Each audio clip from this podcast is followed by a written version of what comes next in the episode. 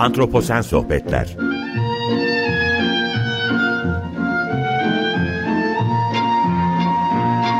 Hazırlayan ve sunan Utku Perktaş Merhaba, iyi akşamlar herkese. Antroposen Sohbetleri hoş geldiniz. Ben Utku Perktaş. Bu hafta çevresel değişimin yaban hayat popülasyonları üzerindeki etkisini nasıl inceleriz sorusunu e, tartışmaya çalışacağız. Değişen ortamlarda ekolojik ve evrimsel dinamikler genellikle sıkı bir ilişki içinde ve iç içe geçmiş durumdalar. Bununla birlikte de doğal koşullar altında e, genellikle fenotipik özelliklerin dinamiklerini anlamaya çalışıyor bilimciler, ekologlar, evrimsel biyologlar. Ama bu e, belli ölçüde e, tam yeterli düzeye ulaşabilmiş değil. Çünkü geldiğimiz noktada özellikle küresel ısınmanın neden olduğu iklim değişimi organizmaların fenotipik özelliklerini şüphesiz etkiliyor ve e, bu noktada yeni metotlar geliştiriliyor, yeni bakış açıları geliştiriliyor ve yeni çalışmalar yayınlanıyor. Bugün örneklerle bu değişkenliği nasıl inceleyeceğimizi e, tartışacağız. Söylediğim soruya cevap bulmaya çalışacağız. Konuğum Zürih Üniversitesi'nden Popülasyon Ekolojisi Profesörü Arpat Özgül. Arpat hoş geldin. Öncelikle çok teşekkür ediyorum davetimi kabul ettiğin için. Vakit ayırdın. Hoş bulduk. Merhabalar. Teşekkürler davet için. Nasılsın? Nasıl gidiyor? Sağ ol. iyi. Ee, dönem başlıyor. Biraz yoğunuz.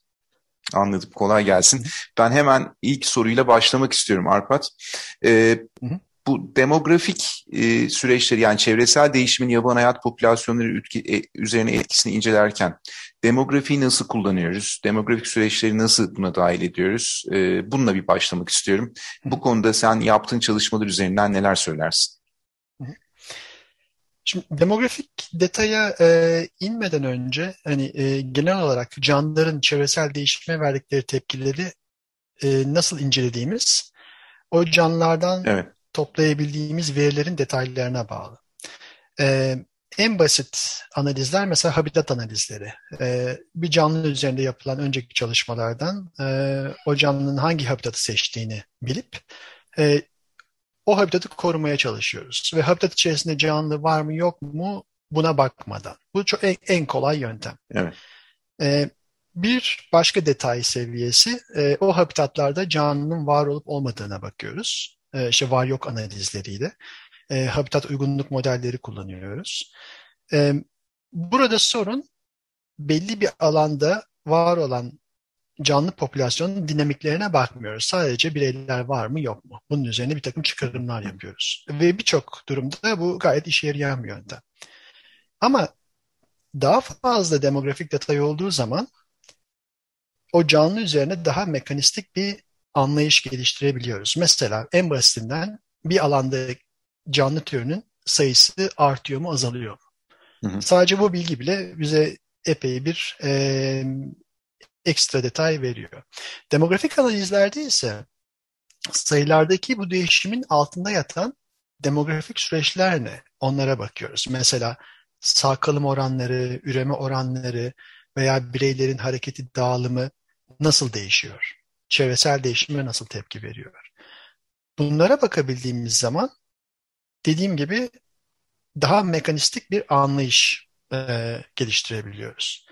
Bir sonraki aşamada bireyler üzerinde mesela fenotipik bir takım fenotipik değerleri ölçebiliyorsak işte e, sağlık durumu, ağırlığı, boyu veya fenolojik tepkileri diyelim üreme, göç, kış uykusu zamanlamaları değişiyor mu? Hı hı. Bir takım davranışsal değişimler gösteriyorlar mı? Bunları da bildiğimiz zaman yani çok daha detaylı bir anlayışla bu, bu canlı topluluğunun çevresel değişime vereceği tepkiyi biraz daha detaylı öngörebiliyoruz. Ee, bu verilerdeki detaya göre, elimizdeki verinin detayına göre farklı e, analiz metotları kullanabiliyoruz. Sadece diyelim var yok analizi, var yok verisi varsa elimizde o zaman daha basit istatistiksel metotlar kullanıyoruz. Önceden bahsettiğim bu işte habitat uygunluk analizi gibi. Bunlar basit korelasyonlara dayalı bir takım istatistiksel modeller. Ee, eğer detaylı demografik verimiz varsa o zaman popülasyon modelleri kullanıyoruz. Belki e, hatırlarsınız bu e, liste 2, liste 3'te matris modellerini görmüşüzdür. Evet, evet. Onlara çok onlara çok benzer, benzer modeller kullanarak e, hayvanların yaşam döngüsünü matematiksel olarak ifade ediyoruz. Burada yaptığımız ilk önce kavramsal bir hayvanın yaşam öyküsüne bağlı bir yaşam döngüsü modeli oluşturuyoruz. Hı hı. O modelin diyelim e, işte hayvanın yaşam öyküsüne göre farklı evreleri oluyor. İşte genç, erişkin öncesi bireyler, erişkin bireyler, yaşlı bireyler ve sonra bu farklı yaşam evrelerinin işte sağ kalım oranları, üreme oranları, e, hareket oranları vesaire bunları hesaplayıp o bahsettiğimiz kavramsal modeli matematiksel bir modele çeviriyoruz. Ondan sonra da bu modeli evet. değişen çevre koşullarında e, nasıl işte e, farklı koşullar altında e, geleceğe yönelik e, öngörülerde kullanıyoruz. Anladım. Benim yani şimdi 2009 yılında Science dergisinde yayınlanan bir çalışmam var. Yani benim dikkatimi çeken bir çalışma, heyecanla okuduğum bir çalışma açıkçası. Hı hı. Ee, şimdi burada bu çalışmada ekolojik ve evrimsel süreçler bağlamında fenotipik bir, fenotipik bir özelliğin dinamiklerini incelemişsiniz. Hani ortalama vücut boyutunun bir omurgalı türünde çok kısa bir zamandı ki son 25 yıl zannediyorum e, çalışmanın e, kapsamı. Çevresel değişkenlikle bu vücut büyüklüğü, vücut boyutu arasındaki ilişki ortaya konmuş ve çevresel değişkenliğe karşı oluşan ekolojik bir tepkinin esasında buna neden olduğu daha çok evrimsel süreçlerin çok fazla işin içinde olmadığı gibi bir durum e, algılamıştım ben. İklim değişimi perspektifiyle şimdi antroposen dönemde bu küresel ısınmaya bağlı iklim değişimi gündemimizi çok e, meşgul ediyor e, ister istemez. Ve iklim değişimi perspektifinde bu durumu nasıl açıklıyoruz? Daha çok ekolojik süreçler bu kadar kısa zaman içerisinde e, canlıların bu şekilde tepki vermesini sağlıyor mu? Hı hı. E, bu e, hem e, koyun çalışmasında hem de onu izleyen marmot çalışmasında işte yaklaşık 25-30 senelik bir sürede toplanan verileri bakarak iki popülasyonda çevresel iklim değişimine e, daha çok plastik, ekolojik bir tepki verdiğini gösterdik. Bu çok şaşırtıcı bir şey değil. Çünkü e, zaman zarfı gerçekten sınırlı ve bu hayvanların e, nesil uzunluğuna baktığınızda yani en fazla e, 15-20 nesli kapsayacak bir süreçten bahsediyoruz. Yani mikro evrimin izlerini bu zaman zarfında görmemek çok şaşırtıcı değil. Evet. Ama buna rağmen yaptığımız analizde çok küçük de olsa mikro evrimsel bir tepkiyi de e, kaydettik. Onu da e, belirteyim. E, ama herhangi bir canlı e, popülasyonunda bu tür bir değişime verilecek ilk, ilk tepkinin hani plastik, ekolojik bir tepki olması gayet normal. E, ilginç olan mesela burada koyunlarda ve marmotlarda ikisi de e, işte nispeten uzun yaşayan e, memeli türler e, çevresel değişime verdikleri tepki birbirlerinden epey farklı. Yani birisinde marmotların e, ortalama vücut ağırlığı artarken diğerinde işte koyunlarda bir e, küçülmeyi görüyoruz. e, baktığımızda işte koyunlardaki küçülmenin sebebi e, işte eskiden çok daha sert geçen kışların gittikçe ılımanlaşmasıyla e, normalde kışı e, sağ geçiremeyecek olan bireyler, genç bireyler hayatta kalıyor ve pop, adadaki popülasyonda epey hızlı bir artış oluyor. Bu artış sonucunda işte birey başına düşen e, yiyecek miktarı azalıyor ve ortalamada herkes, e, bütün bireyler özellikle ilk senelerinde biraz daha yavaş büyüyorlar. O yavaş büyüme ileriki yaşlarda da bu koyunların işte daha küçük boylara, ağırlıklara e, erişmesine sebep oluyor. E, yani burada mesela hayvanın kendi yaşam öyküsüne bağlı verdiği tepki e, marmutlarınkisinden biraz daha farklı. Marmutlarda ise yani bu hayvanlar e, uzun süre senenin 7-8 ayı kış uykusunda geçiren bir tür. Dağ tepelerinde yaşayan. E, küresel iklim değişikliğiyle e, aktif zamanları yani yazın uyanık geçirdikleri zamanlarında yaklaşık bir aylık bir artış oluyor 30 sene zarfında. Bu artış sonucunda kışın, kış uykusunda kaybettikleri kiloları tekrar kazanabilecekleri daha uzun bir yaz dönemleri oluyor. Bu sebeple bireylerin ortalama ağırlığında bir artış görülüyor. O da bir sonraki kışın e, sağ kalım oranlarını arttırıyor. Dolayısıyla buna bağlı olarak da popülasyonda bir artış görüyoruz e, marmutlarda. Yani oradan şöyle bir sonuca varabiliriz. Her türün çevresel değişime göstereceği tepki gerçekten şey e, o türe bağlı özel tepkiler oluyor. Ve bunu anlayabilmek için de o türün yaşam öyküsünü iyi anlamak gerekiyor. Ve bu detaylı demografik analizleri yapabilmek gerekiyor. Anlıyorum. Şimdi e, peki bu tür çalışmalarda hani biraz detaya girmek gerekirse metotların e, zenginliği nasıl? Ne tür metotlar var? Özellikle hani çevresel değişimin şekli metot seçiminde önemli oluyor mu?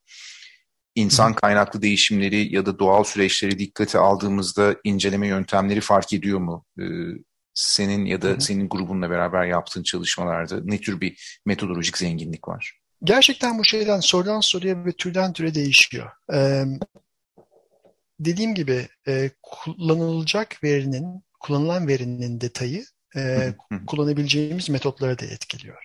Artı e, mesela yani küresel iklim değişikliği çalışmalarımızda sorduğumuz tek soru değil. Yani birçok tür, tehlike altındaki tür çok daha yerel ve e, önemli tehditler altındalar. Yani Afrika'da evet. mesela zürafalar işte kaçak avlanmadan e, müzdaripler. Yaban köpekleri Botswana'da e, yaşam alanlarının parçalanmasından ve daralmasından e, epey e, etkileniyorlar. E, bunları ele alırken e, hani sadece şey iklim değişikliğinin değil bu bu tür yerel e, problemleri de hesaba katmak gerekiyor. Ve her analiz için dediğim gibi işte farklı e, verileri topluyoruz. Mesela yaban köpeklerinde sadece sağ kalım ve doğum oranları değil, aynı zamanda bu hayvanların e, dağılım hareketlerini de yakından incelememiz gerekiyor. Evet. E, küçük gruplar halinde yaşıyorlar. E, gruplar arasında bireylerin gidiş gelişlerini anlamak önemli ve bu yüzden e, kendi gruplarından ayrılan bireylere işte bir e, GPS e, tasma e, takıp e, o bireylerin e, bu, e, Okavango Deltası civarındaki habitatı nasıl kullandığını bakıyoruz ve kullandığımız popülasyon modellerinde işte bu bireylerin bu dağılımını da hesaba katmaya çalışıyoruz. Veya zürafalarda e, burada işte e, milli park içerisinde e, yaşayan bir popülasyon var e, Tanzanya'da. Hı hı. Ama orada milli park ve insan yerleşkeleri arasında bir engel, bir çit olmadığından milli park dışında yaşayan da bir e, popülasyon söz konusu. Yani şöyle, yani kaç farklı alanda çalışıyorsunuz Arpat? Şimdi böyle konuşunca da e, aklıma geldi. Yani projeler kaç farklı coğrafyada devam ediyor? Şu anda e, devam eden, e, işte Botswana'da yaban köpekleri üzerine bir çalışmamız var. E, Tanzanya'da e, zürafalar üzerine çalışıyoruz. E, ortaklaşa çalıştığımız bir takım projeler var. Mesela e, Batı Madagaskar'da cüce lemurlar üzerine. E, bu hayvanların e, oradaki değişen iklim koşullarına verdiği tepkileri inceliyoruz. Önceden yaptığımız bu İskoç adalarındaki e, soy koyunları e, çalışması var. E, İsviçre'de kar fareleri e, üzerine çalışıyoruz. Dağ tepelerinde yaşayan bir tür. E, Colorado'da işte marmot çalışmamız e, halen devam ediyor. E, Türkiye'de e, Kastamonu civarında orada e, Anıl Soymert ve Alper, evet, Alper beraber evet. evet bir çalışmamız var. Ortak e, doktor öğrencimiz Dilşat işte oradaki büyük memelilerin e, dağılımına ve habitat mevsimsel habitat kullanımına bakıyor. Çok güzel. Hı hı. E, İsviçre'de kurtlar, yani yeni İsviçre'ye e, kurtlar girmeye başladı. E, İtalya ve Avusturya'dan. Hı hı. Onların e, habitat kullanımına ve insanlarla girdikleri çalışmaları incelediğimiz e, bir başka e, projemiz var. E, epey büyük bir grubuz. E, şimdi Afrika'da, Kalahari'de, e, Güney Afrika'da mirketler üzerine sürdürdüğümüz e, bir çalışma var. Anladım. Baya baya geniş aslında coğrafi olarak e, baya hani küresel ölçekli çok güzel çalışmalar anladığım kadarıyla. Peki genel olarak e, şimdi e, bu tür çalışmaları bu şekilde devam ederken yani metodolojik zenginliklerden bahsettik. Bu küresel ısınma özellikle antroposen dönemi çok fazla meşgul eden bir konu ve e, insan nüfus artışı ve insanın habitatlara verdiği e, bu degradasyon, zarar e, organizmaları belli ölçüde darboğaza sokuyor. Benim anladığım kadarıyla da sen metapopülasyon dinamiklerini de çalışıyorsun esasında. Evet. Değil mi? Bu, bu anlamda çıkan ilginç sonuçlar var mı? Bir de bunları sormak istiyorum. Yani senin böyle e, sıra dışı bulduğun, e, verebileceğin örnekler çalıştığın organizmalar üzerinden. Ama tabii buna girmeden önce e, dinleyicilerimiz açısından metapopülasyonu tanımlamak da önemli. Hı hı. E, bu konuda ne söylersin? Hı hı.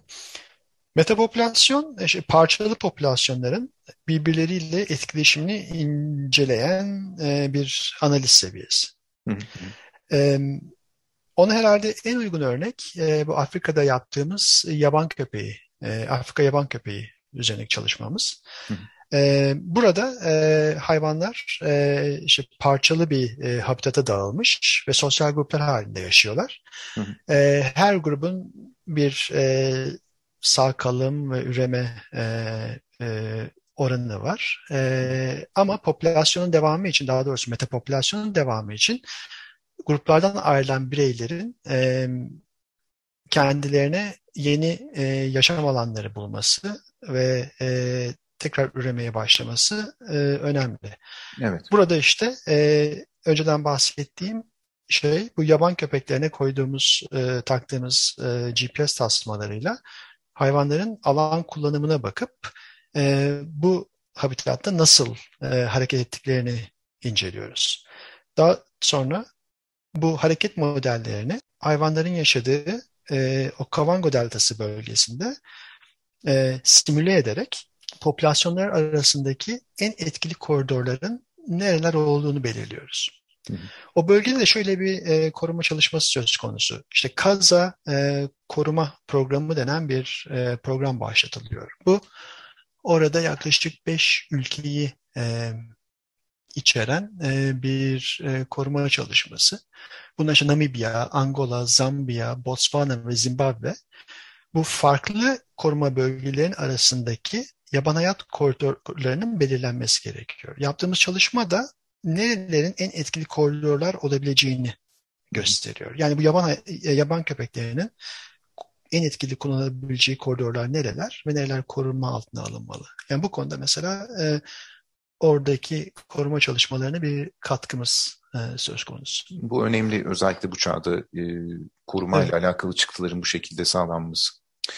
E, bir de çalışmalardan farklı koruma çıktıları elde edilebiliyor mu? Hani bu tür bu tür çıktılar önemli ama demografiyle alakalı elde ettiğiniz sonuçlardan korumayla ilgili en belirgin e, böyle altını çizebileceğin çıktılar neler oluyor? Ona bir örnek e, İsviçre'deki e, kurt çalışmamızı verebilirim. Normalde yani Avrupa'nın e, bu kesiminde e, işte kurtlar 1900'lerin başında e, yok edilmiş e, avlanmayla. E, fakat yeni yeni işte İtalya'dan, Avusturya'dan yavaş yavaş ülkeye e, küçük gruplar halinde kurt girişleri söz konusu. E, bu hayvanların e, hani İsviçre'de aslında habitat olarak uygun bir yer çünkü e, yüksek irtifa ormanları var. Yeteri kadar işte karaca, kızılgeyik, e, avlak da var. Bu hayvanların nerelere e, yerleşebileceğini, nerelerde hayatta kalabileceğini belirlemek için e, sadece ekolojik e, uygunluğa bakmak yeterli değil.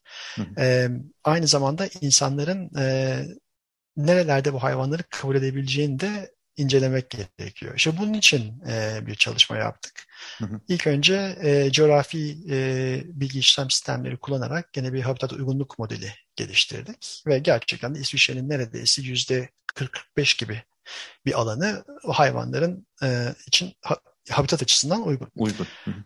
Evet ama e, madalyonun diğer tarafı insanlar e, nerelerde bu hayvanları kabul edebilir? Onu incelemek için de bütün grup olarak bir anket çalışması hazırladık. Hı hı. E, İsviçre'nin her tarafına 10 binin üzerinde e, anket gönderdik. Yaklaşık 4 sayfalık detaylı bir anket.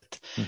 Normalde hani böyle bir ankete %5 ila %10 civarında tepki gelir ama İsviçre'de insanlar e, fikirlerini belirtmeyi seviyorlar ve e, yapılacak e, alınacak kararlarda etkilerin olmasını istiyorlar. E, dolayısıyla bu anket çalışmasına şaşırtıcı derecede yüzde 33 civarında bir tepki geldi. O topladığımız verilerden e, hangi bölgelerde insanların işte kurtun gelişini kabul edebileceğini ve bu kabullenirliği belirleyen sosyoekonomik koşulların neler olduğunu inceledik. Elimizde şimdi bir habitat uygunluk haritası var. Bir de insan kabul haritası var. Bunları üst üste koyduğumuzda ise bunun ikisinin kesişimi gerçekten bu kurtların hani nerelerde e, varlıklarını sürdürebileceğini gösteren bir e, net uygunluk haritası. E, buna baktığımızda ise yani toplam İsviçre alanının sadece %6 ila %7 gibi bir kısmının aslında kurtlar için uygun olduğunu e, bulduk. Önemli olan bu küçük alanların arasındaki işte e, koridorların korunması. Bağlantı. Hı hı. Evet, bağlantıların. E, o alanlarda yaşayan insanların e, e, çevresel e, eğitimi artı o bölgelerde oluşabilecek e, insan-kurt e, çatışmasını engelleyici işte bir takım diyelim işte e, hayvan e, insanların e, hayvanlarını sırlarını öldürüyorsa e, o bölgelerde de bir tür kom, e, e, programını oluşturması vesaire bunlar e, önem kazanıyor. E, kurtların insanlarla uyum içerisinde bu coğrafyada yaşayabilmesi için. Anlıyorum. Çok çok güzel, çok güzel e, oldu e, bu soruya cevap. E, Arpat eksik olma süremizi e, tamamladık zannediyorum. E, çok güzel bir sohbet oldu, güzel aktı. E, ben izleyici dinleyicilerimize ve e, sana iyi akşamlar diliyorum. Önümüzdeki hafta farklı bir konukla, farklı bir konuyla antroposen sohbetlerde tekrar buluşmak üzere. Hoşçakalın. Ben de çok teşekkür ederim. İyi yayınlar. Çok teşekkürler. Antroposen Sohbetler